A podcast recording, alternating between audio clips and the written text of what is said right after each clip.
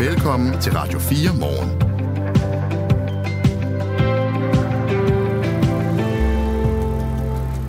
Unge mennesker på småøerne, de må rejse til fastlandet for at gå på gymnasiet eller tage sig en erhvervsuddannelse. Og det kan de få støtte til i de fleste kommuner, imens andre kommuner de faktisk er i gang med at fjerne det her tilskud eller overvejer at gøre det i forbindelse med øh, budgetforhandlingerne øh, for næste år. Og det får nu flere politiske partier til at sige, at de vil gøre tilskud til de unge statslige. Så øh, lige om lidt, så skal vi en tur til øh, Strynø og tale med et ungt menneske, som øh, lige om lidt skal øh, til fastlandet for at tage sig en ungdomsuddannelse. Så øh, vi skal høre, hvad udfordringerne er i forhold øh, til de her unge mennesker, som gerne vil øh, tage sig en ungdomsuddannelse på fastlandet. Det er skrækkenjagende øh, opdateringer i nyhedsstrømmen fra begge sider i forhold til Gazastriben i øjeblikket. Der er nu 1200 israeler, der er blevet fundet døde, langt de fleste af dem altså civile oven på de brutale øh, terrorangreb, som skete i weekenden. Det fortæller en officer fra det israelske forsvarsministerium her til morgen. Det ser heller ikke godt ud på den anden side, hvor 900 palæstinenser indtil videre har mistet livet i de bombardementer, som Israel har indledt i bestræbelserne på at komme terrororganisationen Hamas til livs. Vi opdaterer på den konflikt i løbet af den her time, som vi har til rådighed indtil klokken slår 9 i Radio 4 morgen. Og tidligere på morgenen, der har vi også lige øh, rundet en historie om øh, kød i de københavnske daginstitutioner. Og der er dårligt nyt på vej til kødelskende børn, for det kan være slut med at servere hakkebøf og bolognese til børnene i, i skoler og, og børnehaver. Sådan lyder det i hvert fald i et uh, forslag fra øh, Københavns Kommune. Det skal de stemme om i dag. Og allerede inden afstemningen, så har flere partier meldt ud, at øh, de vil stemme for forslaget. Vi taler med Laura Rosenvinge, der er medlem af Socialdemokratiet i Københavns Kommune, og hun er med os efter nyhederne, altså klokken halv ni, som cirka en halv time. Ja, og det er firebenede dyr, skal vi måske lige sige, så man kan vel stadig bruge en kylling eller en kalkun. Eller, øh... eller en fisk. Ja. ja Den altså, er fireben, jeg ved det godt. Ej, men... Ja, det kommer an på. Okay, øh, vegetardebatten er der altså også øh, plads til her. 7 minutter over 8 er klokken. Du kan skrive til os på 1424, og vi, det er... Claus Andersen. Og Kasper Harbo. Godmorgen. Godmorgen. Det her er Radio 4 morgen. Det israelske flag med den ikoniske blå stjerne på hvid baggrund skal flage side om side med det ukrainske flag i Odense. Sådan lyder i hvert fald et forslag fra Venstre i Odense. Christoffer Lilleholdt er beskæftigelses- og socialrådmand i Odense, valgt for Venstre. Godmorgen. Godmorgen. Hvorfor vil du gerne have det israelske flag i flagstangen foran Rådhuset? Det vil jeg egentlig gerne, fordi jeg ser de to konflikter som værende meget ens, øh, og så er jeg med på, at det skaber al mulig debat og opstandelse, men den største forskel er jo nok, at vi ikke har særlig mange russere boende i, i, i vores by i hvert fald, øh, i forhold til det ukrainske flag. Det er to øh, demokratiske stater, vestligt sindede, som er blevet invaderet på deres egen jord. Det er to stater, som har forsøgt at finde fred, øh, men som bliver ud af det blå angrebet af terrorister af ikke legitime demokratiske stater. Øh, og på den måde synes jeg, at vi skal bakke op om, om, om det eneste rigtige, og dermed også øh, hænge det israelske flag op. Faktisk vil jeg næsten synes, det var mærkeligt, at vi havde det ukrainske hængende øh, på samme tid, som, som at der er en så stor påvirkning af, af Israel. Der er jo nogle dilemmaer i det her, og et af dem er, at I har en befolkning med palæstinensisk baggrund også, eller I har nogen i jeres øh, kommune, som har palæstinensisk baggrund, hvor der altså også er nogle civile tab. Hvordan, hvilke overvejelser har du om det? Jamen det er helt rigtigt, der er masser af, af dilemmaer i det her, og det er jo ikke på nogen måde imod det palæstinensiske folk, øh, at vi hænger det her, eller jeg ønsker, at vi skal hænge det her op. Nu må vi se, om der er flertal for det i økonomiudvalget i dag. Øh, men det er jo imod den terrororganisation Hamas, som har dræbt øh, over 1000 øh, israelere, som har angrebet en, en festival for, for unge israelere, som var færdige med deres ungdomsuddannelse, og skulle nyde deres sabbatår til en, til en fest, øh, hvor man angriber et land, som jo helt tydeligt ikke, ikke havde tænkt, at der skulle være krig, som ikke helt tydeligt ikke havde tænkt, at der var nogen udfordring øh, ved grænsen, og derfor både holder en festival og ikke har, har en grænsebevogtning på overhovedet. Øhm, så for mig er det jo helt tydeligt, at, at det er jo et land, der er blevet angrebet, og et land, der jo også og, over de seneste par år har søgt at finde en, en, en fredelig løsning. Øh, det er ikke nogen hemmelighed, Venstre ønsker fred dernede. Venstre ønsker, at vi skal have en to-statsløsning. Øh, men, men Hamas er bare ikke en løsning i det, og derfor bliver vi nødt til klart at sende et signal om, at vi ønsker ikke, at vi skal have en terrororganisation, der er en del af noget som helst i det her land. Der er mange delte meninger om, hvorvidt Israel har grebet det rigtigt an i forhold til Gaza, og, og de dilemmaer, der er med en, en befolkning, der er klemt inde bag en mur der. Noget Ja, det kommer jo an på, hvem man spørger. Men, men du, du oplever altså det her som en konflikt, der, der er begyndt i weekenden, eller hvad? Nej, bestemt ikke. Men jeg oplever heller ikke den konflikt, vi har i Ukraine, som en, der begyndte øh, sidste år. Det er jo en konflikt, der har stået på i, i mange, mange år. Øh, og på den måde er der masser af dilemmaer. Men når vi vælger at tone fuldstændig rent flag i Ukraine-konflikten, som jo har stået på i, i årtier. Øh, diskussionen om, hvad er Ukraine? Er det Rusland? Er det Sovjetunionen? Eller er det deres eget land? Øh, så mener jeg sådan set, det er den samme diskussion, vi har her. Med selvfølgelig forskellige nuancer øh, og med forskellige udgangspunkter. Men en helt stor forskel er jo, at, at der er en større andel af, af palæstinenser i, i Danmark, end der er russere. Fordi hvis vi havde en lige så stor andel, der var russere, jamen, så havde vi haft de samme øh, dilemmaer. Men, men sagens kerne er for mig øh, ret ens. Men den er jo bare kun aktuel, fordi der er mange palæstinenser i Danmark, og det, det er jo derfor, vi taler om det nu. Christoffer Lilleholdt er beskæftigelses- og socialrådmand i Odense Kommune, altså valgt for Venstre. Det er jo, øh, der er faktisk en lytter, der skriver til os, han hedder Matteo. Hvor er din sympati for alle de unge palæstinenser, der bliver dræbt hver dag? Men dem har jeg en kæmpe sympati for. Men det er jo heller ikke dem, at vi, at vi snakker om her. Øh, det er jo Hamas og en terrororganisation, som, som vi skal have sendt på porten. Det er jo blandt andet derfor, at Danmark har stoppet deres øh, humanitære bistand øh, på mange punkter øh, til Palæstina, og at EU jo sådan set vel også øh, har gjort det, eller på vej til at gøre det, måske gør det. Det er jo fordi, man ikke ønsker den terrororganisation. Øhm, og derfor ønsker vi jo, at, at, at de unge mennesker og de mange, mange palæstinenser, at de øh, vender ryggen til den store terrororganisation, som jo driver det land, og som har drevet et frygteligt, frygteligt angreb hen over weekenden. Nu bruger du analogi til Ukrainekrigen, Kristoffer Christoffer Lilleholdt. Øhm, Ukraine forsvarer jo sine egne områder af krigen mod Rusland. Hvis man bomber på den anden side af den russiske grænse og rammer civile, skal, skal flaget så pilles ned i, øh, på Odense Rådhus? Det ukrainske flag? Jeg er ret sikker på, at øh, Ukraine de bomber øh, på russisk territorie, og de bomber rigtig langt inde i russisk territorie. Det har ikke gjort, at vi har pillet det øh, flag ned på nogen måde, men det har vi gjort, fordi at de var blevet angrebet på deres eget land, øh, og derfor forsøger at forsvare sig, og det, når man forsvarer sig i, i en moderne krig, så gør man det også ved at angribe, øh, angribe modparten, præcis som det jo også er sket i, i Israel. Der er også mennesker, der vil mene, at øh, Hamas er en frihedsbevægelse. Der er et menneske, der har skrevet til os, og det kan ikke, den er ikke underskrevet. Der står bare, at Hamas er en frihedskæmper. Længe mm. leve Hamas. Og det kan jo være det ene i Odense. Altså synspunktet eksisterer jo, og vi så jo for eksempel efter 9-11 i 2001, at der også var fejringer af et, et tvillingetårnene, øh, der blev lagt ned der, og flere tusind uskyldige, der blev dræbt. Øhm, hvordan har du det med, at det kan være en rød klud for nogen at se det israelske flag? Jeg tror uden tvivl, at det er en kæmpe rød klud i rigtig mange russers øjne, at vi hænger det ukrainske flag. Ja, men nu snakker men vi om det israelske. Op, fordi, ja, ja, men prøv lige at høre, fordi vi har valgt at hænge det op, fordi vi mener, det er det rigtige at gøre. Vi mener, det er rigtigt at stå på den vestlige demokratis side. Vi mener, det er rigtigt at stå op imod en terrorstat. Det samme mener jeg gør sig gældende i Israel. Ja, vi kommer til at give en rød klud i hovedet til nogen, men det er jo så også til en rød klud i hovedet til nogen, som ønsker en terrorstat, som ønsker en, en stat, som jo øh, her i weekenden har, har øh, bortført op imod 200 øh, unge israelere, som er blevet færdige med deres ungdomsuddannelse og skulle nyde deres øh, sabbatår, som har øh, slagtet fuldstændig uskyldige øh, inde i deres eget land. Øhm, og det skal man jo selvfølgelig forsvare, det giver der sig selv. Men spørgsmålet er, skal vi øh, hænge det ukrainske flag op som en ret sammenlignende situation med Israel, eller skal vi ikke gøre det? Og hvis vi fortsætter med det ukrainske, så synes jeg, det er helt naturlig forlængelse også at gøre med det israelske. Bare lige at få taget det israelske og konflikten i forhold til det palæstinensiske sådan helt ud, og så parkerer vi lige Ukraine et øjeblik, Christoffer Lilleholdt. Hvis man nu sidder som skatteyder i Odense Kommune med palæstinensisk baggrund og har mistet et familiemedlem, en af de uskyldige, som er døde under bombardementerne, og så oplever, at øh, Odense flager med det israelske flag, hvis man nu ikke er Hamas-støtte, men bare er sådan et af de mange mennesker, der er fanget i den der ulykkelige øh, konflikt og, og mister øh, altså civile familiemedlemmer på grund af bombardementerne. Hvordan tror du så, man vil opleve den stillingtagen?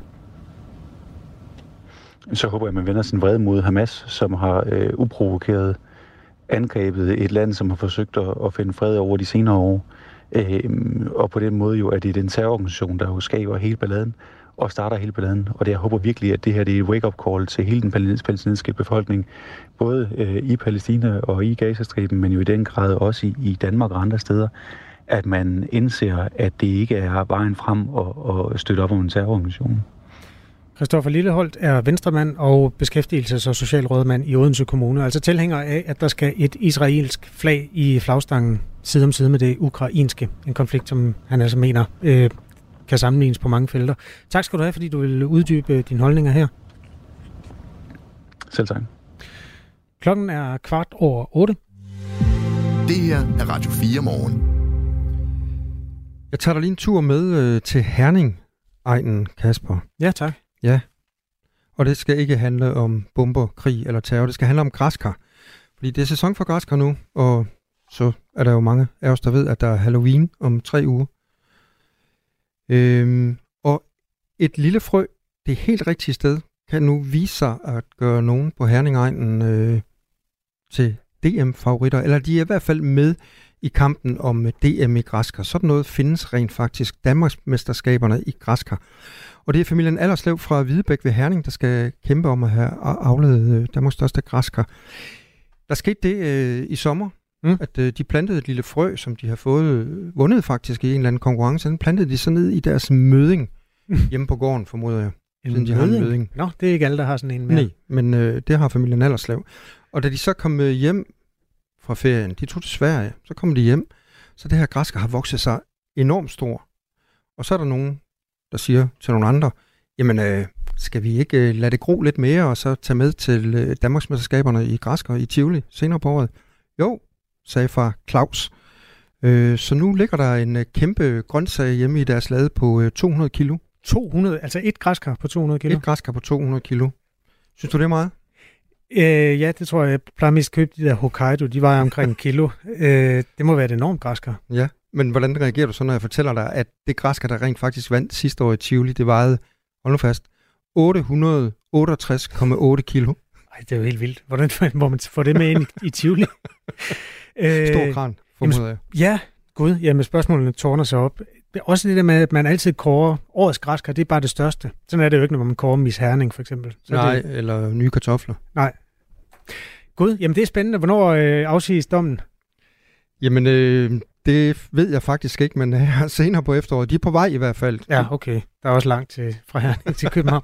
Okay, jamen det, det, Halloween, det plejer at være slutningen af måneden, så må det ikke det der Det er præcis sidste dag i oktober.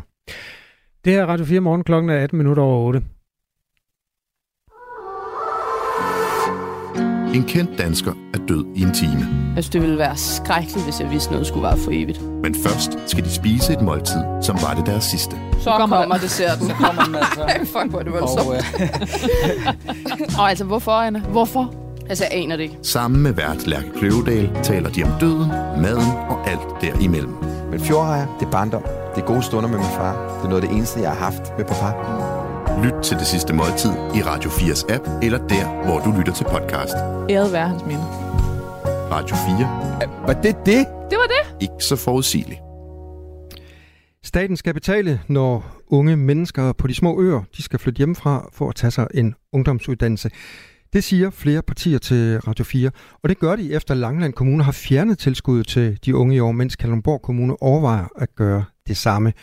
Og det får altså øh, de her partier til at sige, at, at øh, staten skal betale tilskuddet, tilskuddet for at sikre, at kommunerne ikke bliver fristet til at spare det væk. Og en af dem, der rent faktisk har brug for det her tilskud, det er dig, øh, Agnete Dahl Anesen. Godmorgen. Godmorgen.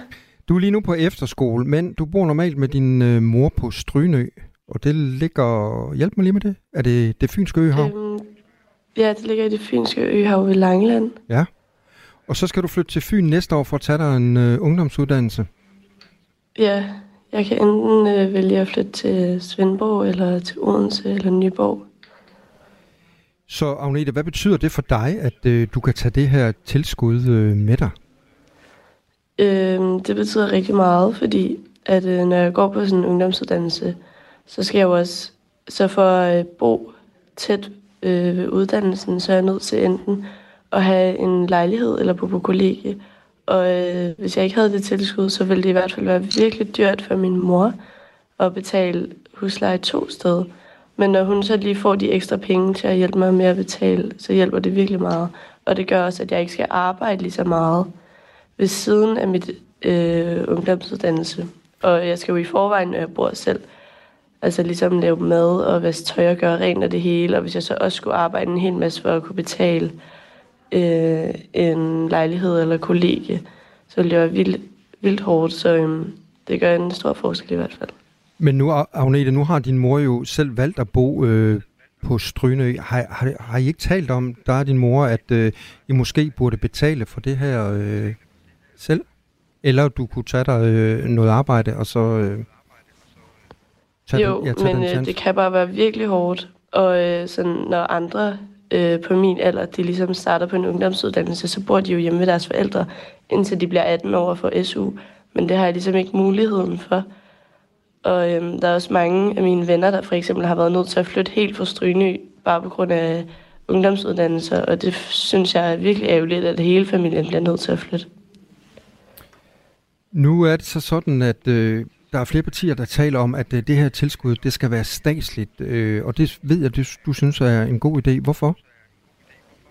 Øhm, fordi så bliver der ikke det med for eksempel, at, øh, at Langeland ligesom havde fjernet øh, tilskud til de unge. Hvordan tog du imod den besked, at øh, Langeland øh, var på vej til at fjerne tilskuddet? Øhm, jeg synes, at det var vildt nederen. Også for mange af mine venner, for eksempel, som øh, der havde vildt svært ved at finde et sted at bo, og øh, havde vildt svært ved at kunne betale det hele, og var nødt til at arbejde rigtig meget. Så øh, det er vildt nederen, synes jeg, at, øh, at øh, de ikke kunne få det støtte jeg taler med Agnete Dahl Anesen, øh, der altså bor på Strynø øh, sammen med sin mor. Og Ane Michael fra øh, Horslev, han skriver, puha, tænk hvis hun skulle arbejde. Kan du forstå, at der sidder nogen derude øh, og, og, og tænker sådan, at det her, det må I dele med klar selv? Øh, ja, det kan jeg godt forstå. Men jeg synes bare, at øh, i forhold til de andre øh, unge på min alder, så synes jeg bare, at vi skal ligesom have lov til det samme, fordi hvis jeg også skulle arbejde selv, ville jeg slet ikke have tid til at have noget socialt liv med mine venner efter skole, for eksempel. Altså, og det ville være vildt hårdt, at jeg også skulle, og i weekenderne sådan, også skulle arbejde, hvor at dem, de andre på min alder ligesom har masser af tid til for eksempel at gå til de aktiviteter i deres fritid, de har lyst til. Og det er også det, ungdomsuddannelserne anbefaler, at man ikke arbejder. Og jeg vil jo stadig komme til at skulle arbejde, fordi det er stadigvæk dyrt. Men ikke i lige så... Altså, jeg vil ikke skulle arbejde lige så meget, men jeg vil stadig skulle arbejde. Jeg taler med Agnete Dahl Anesen, der bor på Strynø, Strynø øh, med sin mor, og Agnete skal flytte til Fyn for at tage sig en ungdomsuddannelse næste år. Agnete Dahl Anesen, øh, lad os lige runde øh, lidt fakta omkring øh, det her, som vi taler om. De unge er altså typisk under 18 år, når de må flytte til fastlandet for at gå på gymnasiet eller tage sig en øh, erhvervsuddannelse. Og derfor kan de altså ikke få SU fordi de er, som sagt, under 18 år. Det skal et tilskud, populært kendt som Ø-SU, rette op på. Kommunerne fastsætter selv beløbet, men det ligger typisk mellem 2 og 3.000 kroner. Og fordi Langeland Kommune har fjernet tilskuddet, og Kalundborg Kommune overvejer at fjerne det, så siger flere politiske partier nu til Radio 4, at de vil gøre tilskuddet statsligt. Og de fire partier, det er SF, Alternativet, Danmarksdemokraterne og Nye Borgerlige. Enhedslisten og Dansk Folkeparti er imod at gøre tilskuddet statsligt på grund af det kommunale selvstyre, mens de andre partier ikke har svaret på vores rundspørger. Så Agnete Dahl Anesen, det tilskud, du får, det er kun på cirka 2.500 kroner. Vi har været inde på det før. Øh, kunne du ikke bare arbejde ved siden af uddannelsen, så du kan betale husleje uden det her tilskud? Jo, det, det kunne jeg godt, men det ville være virkelig hårdt, og det ville også være meget svært med at have et socialt liv med ens venner ved siden af skolen, og der bliver også anbefalet på ungdomsuddannelserne, at man ikke arbejder ved siden af. Og andre unge på min alder, de, har, øh, de kan have mulighed for at bo hjemme ved deres forældre, øh, indtil de bliver 18 og kan få SU. Men den mulighed har jeg ligesom ikke. Tidligere på morgen så talte vi med Karine Oransen, der er landdistrikts- og ø-ordfører for SF. Hun sagde, at tilskuddet skal gøre, at unge på små øer har samme adgang til en uddannelse som andre. Synes du selv, øh, Agnete Dahl Andersen, at du har den samme adgang øh, som unge på fastlandet? Øhm, ikke uden det, øh, tilskud, fordi at det, altså, så vil jeg ikke have mulighed for... Nu har jeg kun min mor til at betale, og hun vil altså ikke have alle... Hun ville ikke have mulighed for ligesom bare at betale en lejlighed til mig, og så vil jeg skulle arbejde en hel masse ved siden af, og bruge en hel masse tid på det, og så på den måde vil jeg ikke synes, jeg havde den samme mulighed for det, for jeg vil have svært ved at få tid til alt, i forhold til også med lektier og det hele, og med det sociale i øh, fritiden. Så på den måde synes jeg ikke, jeg har altså, lige så mange muligheder som dem på fastlandet. Agnete Dahl Anesen, bosiddende på Strynø, og altså skal flytte til Fyn for at tage sig en ungdomsuddannelse næste år. Tak fordi du var med her til morgen. Selv tak. Langeland Kommune besluttede på et kommunalbestyrelsesmøde i mandags, at kommunen genindfører tilskuddet til de unge øboere på Strynø, der skal rejse til fastlandet for at tage sig den her ungdomsuddannelse. Men det gælder så først fra næste år. Radio 4. Ikke så forudsigeligt. Der er mange mennesker, der har holdninger både til konflikten mellem Israel og terrororganisationen Hamas, og også til, hvordan den bliver dækket i nyhedsbilledet. De interviews, vi har lavet i løbet af morgenen, giver en masse kommentarer. Jeg tror jeg lige, jeg vil rydde op i nogle af dem.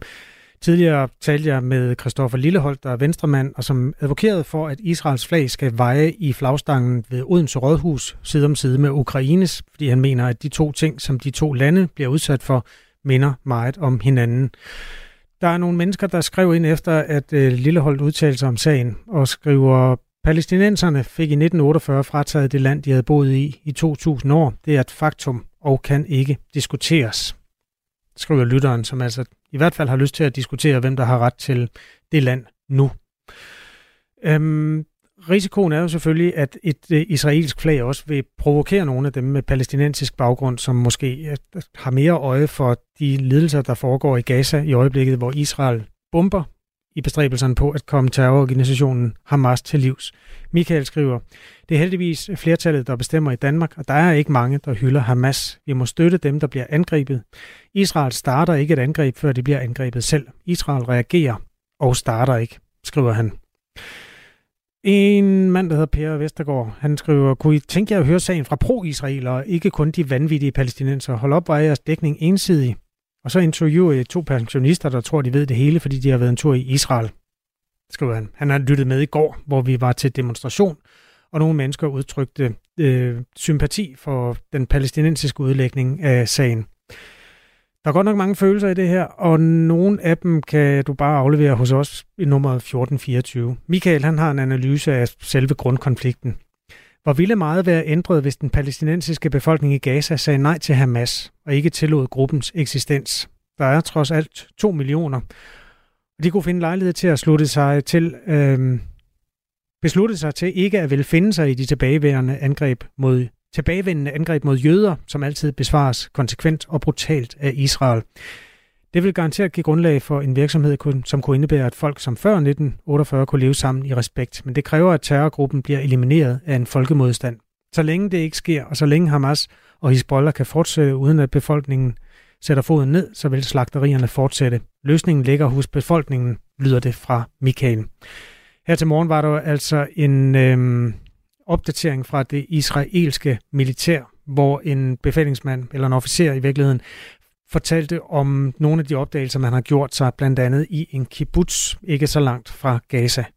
Many of the residents of this beautiful kibbutz were people who were very gentle and kind and believed in coexistence and believed in solving our problems not through the use of violence. Many of them, and I know them because I have friends in that kibbutz, uh, they had friends in Gaza and they spoke with residents in Gaza. And they were happy to accept workers from Gaza who worked in the fields of this kibbutz, providing livelihood for thousands of Palestinians. Ja, der var altså også arbejdere fra Gaza, som opholdt sig i den her kibbutz, der hed Kvar Azar, som er et af de mange steder, hvor civile er blevet slagtet i de angreb, der fandt sted i weekenden ved den øh, opdatering, som jeg refererer fra her, der opjusterede man antallet af døde på den israelske side til 1200. PT er der så 900, der er døde i øh, de bombardementer, som har fulgt efter i Gaza. Og nu er klokken blevet halv ni. Vi skal tale folkeskolereform, når vi kommer på den anden side. Lige nu er der nyheder. Henrik Møring. Nu er der nyheder på Radio 4. Politiet i Norge strammer sikkerheden ved landets olie- og gasanlæg efter gaslækagen i den finske bugt, det skriver Reuters. Anledningen er en lækage fra gasrørledningen Baltic Connector mellem Finland og Estland, som ifølge den finske regering kan skyldes aktivitet udefra. Der er indledt en undersøgelse af lækagen. Der er flere tegn på, at det er sabotage, siger overlovskaptajn og militæranalytiker ved Forsvarsakademiet. Johannes Riber til Radio 4. Der er sket en, et, et, en skade fra, fra siden ind på røret, ikke? Så, så der er nogle indikationer af i hvert fald, at der er talt for en eller anden form for eksplosion, eller i hvert fald tryk ind på røret, der gør, at, at det i hvert fald enten er, er revnet eller er knækket over. Øhm, så, så man har åbenbart nogle ret klare øh, tegn på, at, at det her det ikke er en eller anden tilfældig ulykke, men der simpelthen har været en fysisk påvirkning ud fra, fra på røret, der gør, at der er gået hul på det. Rusland mistænkes for at stå bag den mulige sabotage, siger overlovskaptajnen. Og det gør det jo fordi, at øh, man igen kan se, at det er det her hydrografiske skib, det her Shippy Jakob, som har den her miniubåd med, den har opereret ved de her rør øh, en måned før den her eksplosion skete. Kortere skoledage, færre elever i specialklasser og flere lærere med håndværksbaggrund, det for, eller de forslag er med i regeringens nye folkeskoleudspil, der ifølge børne- og undervisningsminister Mathias Tesfaye kommer til at indeholde omkring 35 tiltag. Udspillet bliver lagt frem om en halv time. Flere af planerne er allerede kommet frem. Det er blandt andet færre bindende mål og mere frihed til lærerne. Samtidig afsættes der 2,6 milliarder kroner til faglokaler inden for eksempelvis håndværks- og naturfag. Formand for Danmarks Lærerforening, Gordon Ørskov Madsen, mener dog, at der skal flere penge til, siger han til TV2. Folkeskolens daglige, ganske almindelige undervisning fungerer ikke godt nok, fordi vi ikke har investeret tilstrækkeligt i den daglige undervisning.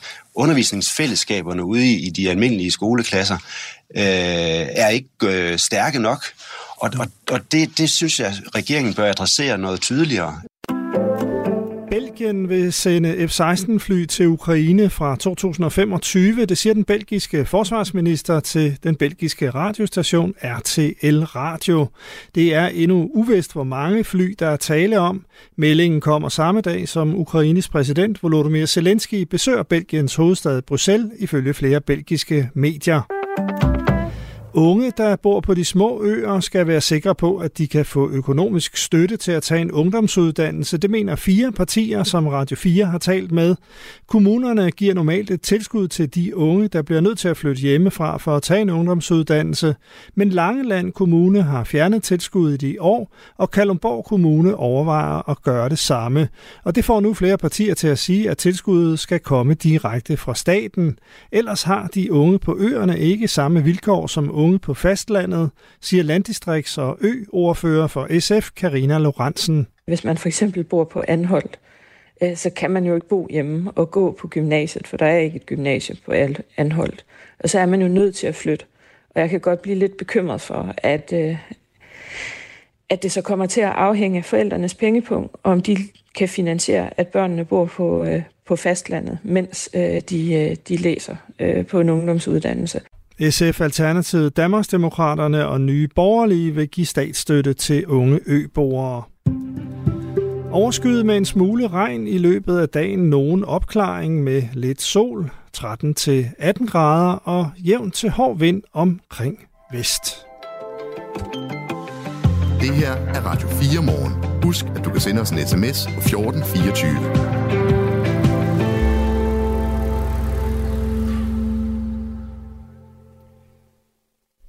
Linsedeller og falafler skal erstatte hakkebøffer og kødsovs i skoler og børnehaver. I hvert fald, hvis det står til flere partier i øh, Københavns Kommune. For senere i dag så skal børne- og ungdomsudvalget stemme om, hvorvidt serveringen af rødt kød, og når jeg siger rødt kød, så er det en fælles betegnelse for oksekød, svinekød, kalvekød og lammekød. Altså ikke kyllingkød, som har en helt anden farve. Noget mere blegt, øh, lidt eller svinekød, men alligevel ikke med i betegnelsen rødt kød. Ja, nu komplicerer du det rigtig meget. Gør Men, det? øh, ja, man kan bare tælle benene på det dyr, man slagter, ikke? Så har man det, der skal sorteres fra. Det er ret nok. Fire ja. ben. Fire ben, så er det ud. Ja. Og det her røde kød for de firebenede venner, det skal altså afskaffes i institutionerne. Og øh, en af dem, som stemmer for det her forslag, det er dig, Laura Rosenvinge. Godmorgen. Godmorgen. Du er medlem af børne- og ungeudvalget for Socialdemokratiet i Københavns Kommune. Øh, du I, kommer, I sagde svinekød. Øh, det udelukker vi ikke. det udelukker I ikke. Nej, nej, Nej. det gør vi altså ikke. Men det er Så bare fordi, lige altså, inden, det er at med- Vi skal lige have, have Ja, det er godt, du siger det, men det er jo så med i den her fælles betegnelse af, af rødt kød. ikke den måde, vi betegner det Nej. på, men, øh, I men gør, altså, det, I gør det så anderledes i Københavns Kommune. Og det er fint, godt at få det på plads. Men kommer du til at stemme for at afskaffe øh, det her røde kød i frokostmenuen? ja, det tror jeg faktisk, at hele udvalget øh, kommer til at gøre. Hvorfor er det en god idé? Fordi at, øh, altså vi snakker om okse, kalve og lammekød, øh, og det består øh, cirka den kost, vi giver til børnene i dag i skolerne og institutionerne, der er det omkring 0,6 procent. Øh, det er meget, meget lidt, de i forvejen får af det her kød, men den CO2, øh, de CO2-tons, som det giver at lade være at servere det, er ret høje. Altså det er 1.400 tons CO2, vi kan spare på det her. Så det er en lille ændring i børnenes hverdag, som kan have rigtig, rigtig store øh, og gode konsekvenser for, hvor mange tons CO2 vi lukker ud. Men hvorfor er det, det er børnene, der skal betale øh, prisen for klimaet, og, og ikke de voksne? Og jeg tror nu, der er mange voksne, der øh, også øh, Øh, lige spiser, øh, for det første ikke spiser rødt kød længere, men i hvert fald spiser bøffen videre. Øh, det er der også mange arbejdspladser. Øh, herunder, jeg føler ikke kantinen nede på Rådhuset, så vil jeg særlig meget rødt kød længere. Øh, det, det, der er rigtig mange øh, steder i vores samfund, hvor vi arbejder på det her med at minimere i forhold til vores mad, hvor meget øh, CO2 at vi, øh, vi sender i luften, uden at det skal, altså fordi det er vigtigt for mig at sige, du, vi, man kan stadig få kød i institutionerne, der jeg er ikke på det hold, der vil have, at øh, børnene ikke skal have lov at have kød. Øhm, man skal bare i bolognesen måske øh, lave det med svinekød eller med kyllingekød i stedet for med oksekød. Så øh, forestiller du dig, at øh, I, I kan lave det samme, øh, de samme initiativer på plejehjemmene for eksempel? Det, jeg sidder jo ikke øh, i Sundhed- og Omsorgsudvalget, øh, så, det, så det, det må være op til dem. Jeg kender ikke de ældre godt nok. Jeg vil sige, jeg synes også måske, der er lidt en forskel. For børnene er det et måltid om dagen. For de ældre er det alle deres måltider. Det samme ude, jeg sidder i Socialudvalget. Jeg tror, jeg vil tøve lidt mere, når vi snakker bostederne for borgere med handicap, fordi det vil være alle deres måltider for mange mennesker. Øh, og det synes jeg lidt er, er, er noget andet, end når vi snakker om det her ene måltid om dagen. Sidste år så købte øh, I Københavns Kommune 38.000 kilo okse, kalve og, og, og lammekød. Og det svarer til, at hvert barn i dag spiser under 1 kilo, altså helt præcist, øh, hvis det her tal holder, 937 gram kød om året gennem kommunens madordninger. Øh, så tror du virkelig, at det er gennem øh, skolernes og børnehavernes madordninger, der bliver sparet sådan, øh, effektivt på CO2-udledningen? Nej, overhovedet ikke. Det er en lille ting, vi kan gøre. Det handler også mere om, at, at oksekød er dyrt. Øh, altså, det er jo ikke nogen hemmelighed, at alle kommunerne er presset lige nu. Kan vi, kan vi spare lidt på oksekød og give dem en endnu lækre kost? Øh, fordi der er ikke nogen penge, der bliver omrokeret fra maden, men det kan jo være, at vi kan bruge dem på at lave noget endnu lækre mad med kylling, eller med svinekød, eller med falafel, som vi selv peger på. Altså, det, det, det, det synes jeg, børnene har fortjent øh, i forhold til øh, at, at servere rødt kød. Jeg taler med Laura Rosenvinge, der er medlem af børne- og ungeudvalg for so, so, øh, ja, vi prøver igen, Socialdemokratiet i Københavns Kommune. Og øh, Laura, Laura Rosenvinge, øh, Vinge, ja, nu fumler jeg da gevaldigt i det. Fødevarestyrelsens kostråd lyder blandt andet, at vi bør spise planterigt og vælge kød fra til fordel for bælfrugter og fisk. Øh, ernæringsekspert Martin Kreutzer, han sagde tidligere på morgenen øh, her på Radio 4, at man godt kan fjerne det røde kød fra frokostmenuen, så længe man erstatter det med en anden proteinkilde. Så hvilke overvejelser går I med i forhold til øh, at erstatte det her røde kød? Hvad skal I i stedet for? Uh, jeg er jo ikke ansat ude i vores køkkener eller fødevareekspert. Jeg er politiker, så jeg tager de store linjer. Jo, men har I men gjort altså, jer nogle overvejelser, når I nu vælger. At jo, fremsætte det her forslag? Altså, det er jo, der, er jo, der er jo alle mulige typer kød, at man kan erstatte det med. For eksempel sagde jeg jo selv lige, at man godt kan lave en bolognese på kylling eller på svinekød. Du kan også godt lave rigtig lækre retter øh, på bælfrugter, som har et meget, meget lille CO2-aftryk, især sammenlignet med øh, rødt kød. Så, så bælfrugter og øh, svinekød, jeg ved, øh, hvad hedder det, kylling, kalkun, jeg ikke, fasan, hvis vi kan få fat i det, don't know. Fasan, det lyder eksotisk. Men Det kan heller Laura, ikke være råd til kommunen. Laura Rosenvinge, hvorfor er det kommunen og, og, og ikke forældrene, der skal bestemme, hvordan øh, børnenes frokost skal se ud? Mm, Forældrene kan jo bestemme, hvordan deres aftensmad ser ud. Nu er det kommunen, der serverer frokosten, øh, og derfor så er vi nødt til at kigge på det store billede, og hvordan vi kan gøre tingene bedst og for børnene, og mest øh, bedst for klimaet også. Sådan sagde altså, altså Laura Rosenvinge, der er medlem af børne- og ungeudvalget fra Socialdemokratiet i Københavns Kommune. Tak skal du have. Selv tak.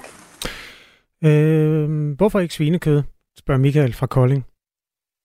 Men der bliver så stadig serveret svinekød. Det var essensen af Det, forslaget. gør det. ikke? det kan man lave en fin bolognese af, fik øh, Laura Rosenvinge sagt. Ja. Øh, vores lytter Lars Madsen, der aldrig lader solen gå ned over sin vrede, han mener også, at det her det har et eller andet øh, baggrund i islam. Øh, men lad os lige gentage, der vil stadig blive serveret svinekød, Lars Madsen og alle andre. Øh, Anna skriver, at bælfrugter jo er importeret fra udlandet. De kommer typisk fra, på dåse fra, øh, fra langvejs fra, ikke? Øh, både bønderne og, og linserne og alt det der. Eller ikke på dåse. Noget af det kommer som tørkost. Det er sådan set ligegyldigt. Det er jo rigtigt. Der er også et klimaaftryk på det. Det er der.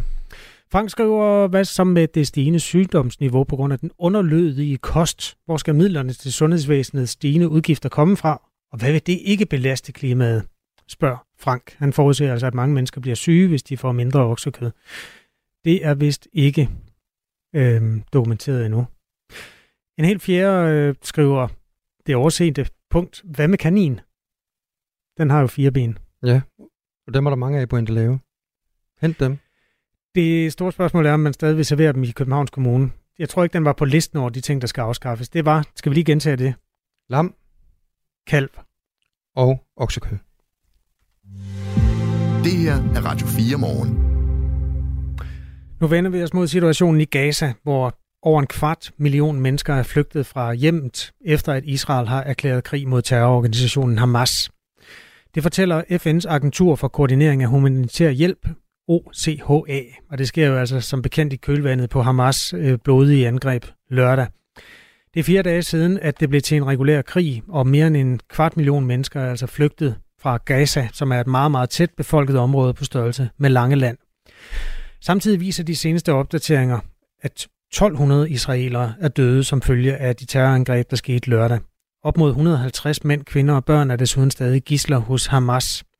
Jotam Konfino er journalist i Israel, bor i Tel Aviv og dækker landet for en række danske og internationale medier. Han fortæller, hvordan stemningen er blandt israelerne efter lørdagens chokangreb. det, som har virkelig fået, fået følelserne til at eksplodere hernede, det var altså de her ny- nyheder om en uh, decideret uh, massakre, ISIS-style, nede i en kibbutz tæt på Gaza-grænsen, øh, altså et, et kollektiv, en lille landsby tæt på Gaza-grænsen, hvor et militæret nu har øh, lavet den internationale medier komme ind og se, hvad der er foregået. Og der hører vi altså meldinger om, at øh, babyer er blevet øh, ja, halshugget, og gravide kvinder er blevet har fået skåret deres maver op, og ja, nogle meget, meget, meget bestialske ting. Og vi hørte et israelsk medie melde omkring 40 babyer, der var blevet halshugget. Jeg bragte ud til militæret for at få en bekræftelse på det nummer, for på det antal, og de sagde, at de kan ikke bekræfte antallet, men de kan bekræfte, at der har været ISIS-style, øh, ja, altså islamisk stat-type øh, massakre, og det ved vi jo godt, hvad det betyder, det er halshugninger. Så det er noget, som øh, begynder at fylde medierne hernede utrolig meget. Man kan sige, øh, altså folk, der bliver dræbt, er jo altid øh, tragisk, om det er en, en, en ældre mand eller en, en kvinde i 30'erne, eller om det er en baby, men øh, man må bare erkende, at øh, der er nogle ting, der er værre end andre, altså halshugninger af babyer, så kommer man ikke ret meget tættere på, hvor slemt det kan blive. Den israelske her har haft travlt med at rydde op internt på israelsk jord for at få styr på de krigere, der var inde, eller terrorister, var, som var inde på israelsk område. Og samtidig er landets her altså gået til angreb på positioner i Gaza, hvor Hamas gemmer sig blandt civile. Her er 900 døde i bombardementerne. På den israelske side, der er det lige nu, at man bare, bare siger jeg, gåsøjne, tæller op, altså hvor mange er blevet slået ihjel. Man regner ikke med, at de her fuldstændig bestialske ting kommer til at fortsætte, fordi man netop har fået styr på grænseovergangen. Men ind i Gaza kommer vi jo til at se et blodbad uden lige, og der er jo allerede altså, omkring 800-900 palæstinenser, der er blevet slået ihjel. Og øh, der er jo rigtig mange, der advokerer for lige nu, at man bare skal jævne Gaza med jorden. Og det er jo noget, som folk er meget, meget bekymret for, fordi der bor altså 2,2 millioner mennesker derinde. Langt, langt, langt de fleste er civile. Hamas og Islam Jihad er jo typisk øh, nogen, der gemmer sig under jorden og lader de civile smage på Israels øh, luftangreb, og så kommer de ellers op, når krigen er slut. Det kommer ikke til at ske den her gang, fordi at Israel kommer til at gå helt specifikt, og det gør det allerede nu, efter Hamas og Islamisk Jihad i så voldsom en grad, at de ikke kommer til at kunne overleve. Det er i hvert fald det, der er deres mål. Israels angreb på Gaza har ødelagt over 1000 beboelsesejendomme. 560 er så alvorligt øh, ødelagt, at øh, de er ubeboelige. Jotam Confino fortæller, hvordan der lige nu ser ud inde i Gaza, der er på størrelse med Langeland altså, men øh, hvor der bor godt 2 millioner mennesker. Der er lukket for mad, som kommer ind til Gaza. Det er det første, det vil sige en total blokade af Gaza. For det andet har han sagt, der er ikke længere nogen restriktioner.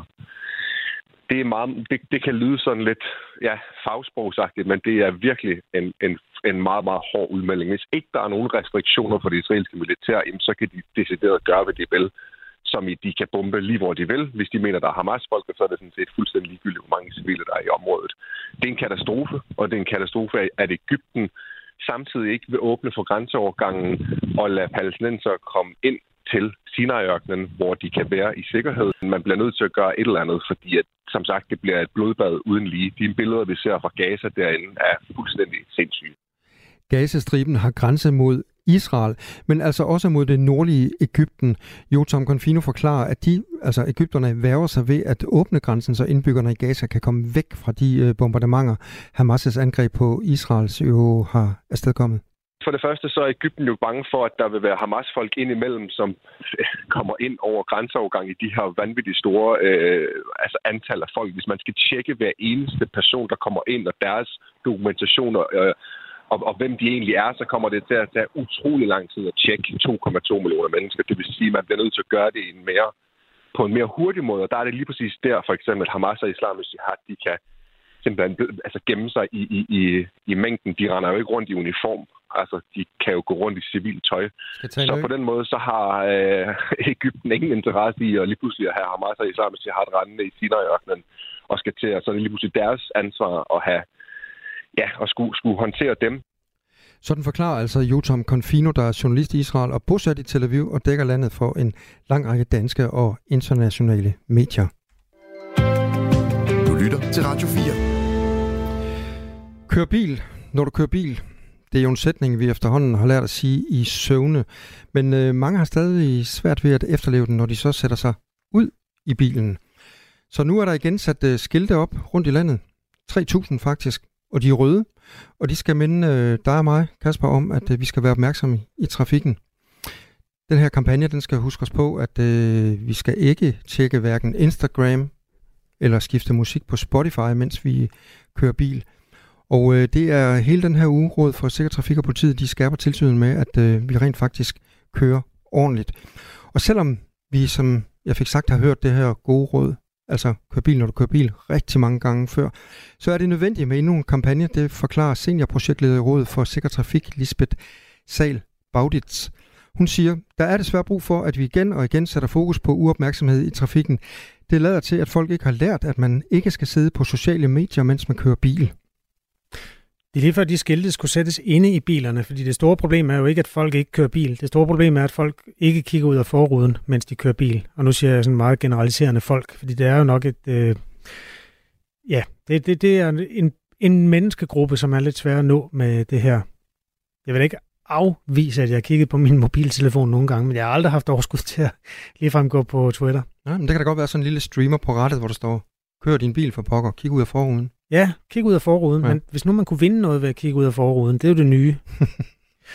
du godeste. Jamen, der, der kører jo også en type øhm, tv-spots i øjeblikket, som er knyttet op på samme kampagne, hvor man ser den der sådan helt fredelige stemning i en bilkabine. Ofte en ja, enten nogen, der sidder og råder med telefonen, eller en mor, der lige skal hjælpe sit barn med et eller andet. Og så det der, det der sekund, hvor de kigger op og kigger ud af forruden og oplever, at de er på vej ind i et eller andet. At det, det der ansigtsudtryk, det, det er faktisk ret stærkt, også selvom man ikke ser øh, døde kroppe. Det er enormt uhyggeligt. Og så er det jo ikke uden grund, at øh, den her kampagne den kommer lige nu, fordi uopmærksomhed og manglende orientering, det, det er det største problem, når man ser på, hvordan øh, trafikulykker de sker. For fra 2017 til 2021 blev 500 personer dræbt i ulykker, hvor uopmærksomhed har været øh, medvirkende. Klokken er 10 minutter ind i. Du lytter til Radio 4. Og om cirka 10 minutter stiller Mathias Tesfaye, børne- og undervisningsminister, sig frem. Det foregår i Greve faktisk, og præsenterer regeringens nye folkeskoleudspil.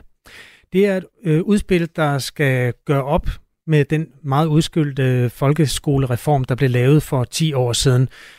Nu skal der være langt færre krav, og folkeskolen skal være mere praktisk orienteret. Det er i hvert fald to af de punkter, som er sluppet ud i forhold til det udspil, som han altså folder endnu mere ud om 10 minutter. Rasmus Edelberg er landsformand i organisationen Skole og Forældre, som jo altså er skolebestyrelsernes øh, organisation, landsorganisation for de øh, forældre, som har børn i folkeskolen. Og han er med os nu i telefonen. Godmorgen. Godmorgen. Vi kan lige gennemgå, hvad der er at glæde sig til, eller at frygte. Hvad er jeres største bekymring omkring det udspil, der kommer i dag? Øhm, vores største bekymring er jo, om vi øh, ude på skolerne øh, får øh, rammer og ressourcer til at kunne arbejde med de mange gode øh, ambitioner og visioner, øh, der er i øh, den pakke, regeringen lancerer lige om lidt. Altså det handler jo langt hen ad vejen om at forenkle skoledagen og give plads til, øh, at lærere og pædagoger øh, kan folde deres faglighed ud, sådan så didaktik og pædagogik fylder mere i klasserummet og kommer ro på i klassen. At eleverne får mere valgfrihed til at kunne vælge øh, fag. Der kommer flere praktisk-musiske fag. Der er en masse af de her ting, som, som, øh, som vi har, har talt for gennem lang tid og øh, som vi nu kan se, at det der politisk opbakning til, og det, det påskynder vi. Men en stor forandring er bare en stor forandring, og derfor så skal der jo også være tid til at rulle det ind i en hverdag, så det sådan øh, passer ind, øh, og det kræver ledelseskræfter, det kræver, at vi arbejder sammen ude i skolen, at elever og ansatte og forældre og ledelse sætter sig rundt om bordet og får lavet nogle, nogle fælles principper omkring, man gør det her.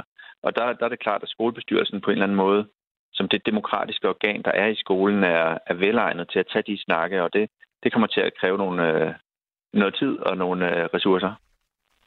Så sagt på en anden måde, jeres største bekymring er, om de gode intentioner overhovedet bliver til virkelighed, om det kan føres ud i livet. Det var faktisk præcis samme kritikpunkt, som øh, skoleforældre havde for 10 år siden omkring den øh, folkeskolereform, som siden blev skældt rigtig meget ud. Dengang lød det også, at man synes tankerne var gode, men der var ikke ressourcer til at føre den ud i livet. Hvad er forskellen øh, den her gang?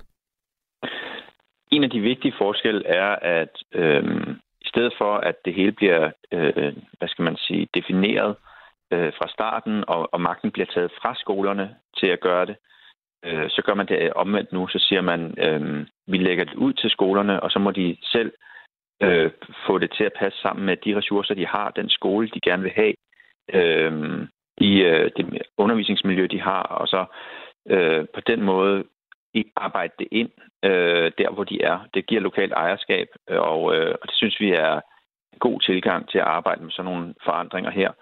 En anden vigtig øh, forandring er, at, øh, at der også kommer penge med, øh, så vi kan se for eksempel, at der er en stor investering i bedre faglokaler, øh, sådan at man, øh, man faktisk får et ordentligt fysiklokale eller et ordentligt lokalt madlavning. Altså, at infrastrukturen er på plads, Øh, det er jo vigtigt, øh, når, vi skal, når vi skal have mere praktisk musiske fag, at vi så faktisk har nogle øh, gode lokaler at gøre det i, så det er mere motiverende og inspirerende for eleverne at være i. 9 ud af 10 af de bindende og vejledende mål skal væk, så lærerne får mere frihed. Det svarer til mere end 3800 mål, sagde statsministeren i sin åbningstale. Det var altså med reference til noget af det, som blev indført øh, ved den sidste folkeskolereform. Mm. Det var jo også mm. en socialdemokratisk regering, og Mette Frederiksen var også med på forsædet dengang, men det er nu lige meget nu. Øh, nu kommer der altså en ny under ledelse af øh, børne- og undervisningsminister Mathias Tesfaye, som tager ordet om, nu er vi nede på 6 minutter, øh, i Greve. Mm. Det var et af punkterne, altså man fjerner nogle mål. Så er der også det, at der skal, man skal gå lidt mindre i skole. 200 timer mindre i skole over 10 år. det svarer til en halv time om ugen. Men altså, man sætter, lidt, øh, man sætter antallet af lektioner lidt ned. Kravet om 45 minutters bevægelse om dagen, det skal fjernes. Hvad synes du om det egentlig, at man fjerner bevægelsen? Øhm, jeg tror stadigvæk, det vil være vigtigt for mange skoler, at øh, der er bevægelse i hverdagen, og at øh, børnene har mulighed for at komme ud og røre sig. Det giver et, øh, altså øh, et bedre øh, fokus øh, i løbet af dagen, og, øh, og det er vigtigt, at dagen er varieret. Så jeg tror, at rigtig mange skoler vil arbejde videre med det, uanset om der er et centralt fastsat mål på lige præcis 45 minutter om dagen, som, som nogle steder har været, altså været svært at implementere, fordi at det i praksis ikke rigtig kunne lade sig gøre. Man havde måske ikke en halv, eller man havde måske ikke en øh, boldbane, man kunne være på, og, og skulle så bare løbe rundt på gangene i 45 minutter, indtil tiden var gået. Eller, altså, så det, man især vil, det er, at man vil, når der så er mulighed for det, og man har ligesom rammerne til det, så vil man prøve at få det ind. Det er jo også noget det, vi, vi kommer til at diskutere. Hvordan, hvordan får vi det her til at passe sammen? I forhold til det med de, de meget færre mål, mm. der var ikke rigtig nogen, der opdagede, da man fjernede de første 4.000 mål. øh, så, så for mig at se, at det betyder det jo ikke, at de skal lære meget mindre. Det er bare en anden måde at gøre det på. Altså vi går fra en topstyret detaljstyring af mål ud fra til, at skolerne selv får bedre ejerskab øh, og kan bruge øh, den faglighed og den viden, vi har ude i skolerne. Det glæder mig til. Der er meget langt mellem dem, der taler pænt om den folkeskolereform, der kom for 10 år siden. Men altså, hvis man skal sige noget pænt, øh, de der 45 minutters bevægelse om dagen, som blev indført som en form for standardisering dengang, har, den, har det gjort noget godt ved den måde, man tænker folkeskole på, også ude på skolerne? Altså, at man har tvunget ja, dem til det? Nej, men det synes jeg, det har. Det har gjort meget godt, faktisk. Vi har, vi har fået en bedre øh, øh, stærkere bevidsthed omkring øh, den her balance mellem, øh, om som sige, krop og sjæl. Øh, altså, at det ikke både bare handler om teoretisk viden, men også om, at man har sat et sansende væsen og, og har brug for at bruge sin krop øh, og sin øh, øh, arbejde med materialer og bevæge sig sammen og sådan noget. Det skaber, det skaber kultur, det skaber livsglæde. Og øh, der er mange skoler, der har netop øh, indført principper for øh, bevægelse i hverdagen, og vi har fået god hjælp fra øh, Dansk Skoleidræt, som også har udviklet gode forløb og sådan noget. Så på den måde har der, har der mange steder været arbejdet med det her som et godt tema. Rasmus Edelberg, altså landsformand i skole og forældre, forholder sig til det, som bliver sagt om tre minutter, når Mathias Desfaye, der er minister på området, til løfter sløret for den reform, der skal ske. Vores lytter, Lars Madsen, han har lyttet med på meget af dækningen af også den gamle reform, Rasmus Edelberg. Han skriver, hvorfor helvede er det ikke en lærer, der er minister? Så var man da fri for at høre på alt det jammer. Men øh, synspunktet er jo meget interessant egentlig. Hvor det, vil du synes, det var bedre, hvis det var en skolelærer, der var undervisningsminister, end en murer? Det kommer an på, hvem det var. Altså, jeg tror, ikke, jeg tror faktisk ikke, det er professionen, der på den måde øh, er så afgørende. Det her kommer meget mere an på, om du øh, kan skabe følgeskab, om du kan lytte, øh, for eksempel til lærerne, øh, og tage, tage det ombord i den måde, du formulerer politik på. Øh, det er min opfattelse, at øh, skolens parter i høj grad føler sig lyttet til øh, af regeringen, og egentlig også af ordførerne. Det skal jo også med. Det er jo ikke sådan, at, mm. at ministeren bare alene bestemmer. Øh, der skal nogle øh, flere til for, øh, for at skabe flertal og, og lave nogle bedre rammer for folkeskolen. Og jeg tror, når vi, når vi har så meget fokus på at, at genskabe ejerskabet i skolen, hvor lærerne selv kan bestemme, hvordan de vil tilrettelægge deres undervisning, øh, så er det jo, fordi man har lyttet til lærerne. Jeg siger bare, og det er rigtigt, det er ligesom dengang i starten. Jeg kan være nervøs over, om der er nok ressourcer til at, øh, at fuldføre visionerne, fordi det er svært at skaffe personale, personale, og vi har lige set igen i år massive besparelser ude i kommunerne, fordi de er trængt på en, en lang række andre årsager. Øh, så når vi mister muligheden for at have øh, to lærere øh, eller to voksne i klasserne, når vi mister muligheden for tidlig indsats, forebyggende pædagogiske indsatser og støtte funktioner til børn, så er der mange af klasserne og børnene, som, som, øh, som så mistrives eller ikke lærer det, de skal. Og så, så kommer vi jo ikke i mål. Øh, så der okay. har vi brug for, at, at vi kan rekruttere det personale, vi har brug for. Rasmus Edelberg, god fornøjelse om et minuts penge, når han løfter sløret. Ja, tak skal du have. Ja, tak lige måde. Rasmus Edelberg er landsformand i skole og forældre, altså en landsorganisation for skolebestyrelser og forældre til børn i folkeskolen. Der bliver også afsat øh, godt 2,5 millioner kroner til faglokaler, som nej undskyld, milliarder selvfølgelig. 2,6 milliarder kroner helt præcist til faglokaler, som skolerne kan altså bruge til at renovere og forbedre eller bygge helt nye lokaler inden for for eksempel håndværksfag eller naturfag. Og lige om lidt, så er klokken blevet 9, og efter nyhederne klokken 9 med øh, Henrik Møring, så har vi jo vores øh, debatprogram Ring til Radio 4. Og øh, et af de spørgsmål, Ring stiller i dag, det er, er det nu den rigtige beslutning at stoppe udviklingsbistanden til palæstinenserne oven på Hamas' blodige angreb mod Israel? Og så øh, spørger de også lige lytterne, er det en god idé at erstatte de ældres rengøringshjælp med en øh, robotstøvsuger? To forskellige ting. Ja, øh, som begge har store følelser gemt i sig. Alt det ruller vi ud om fem minutter. Så er der jo et frontlinje bagefter. Men lige nu er klokken 9. Du har lyttet til en podcast fra Radio 4. Find flere episoder i vores app, eller der, hvor du lytter til podcast. Radio 4. Ikke så forudsigeligt.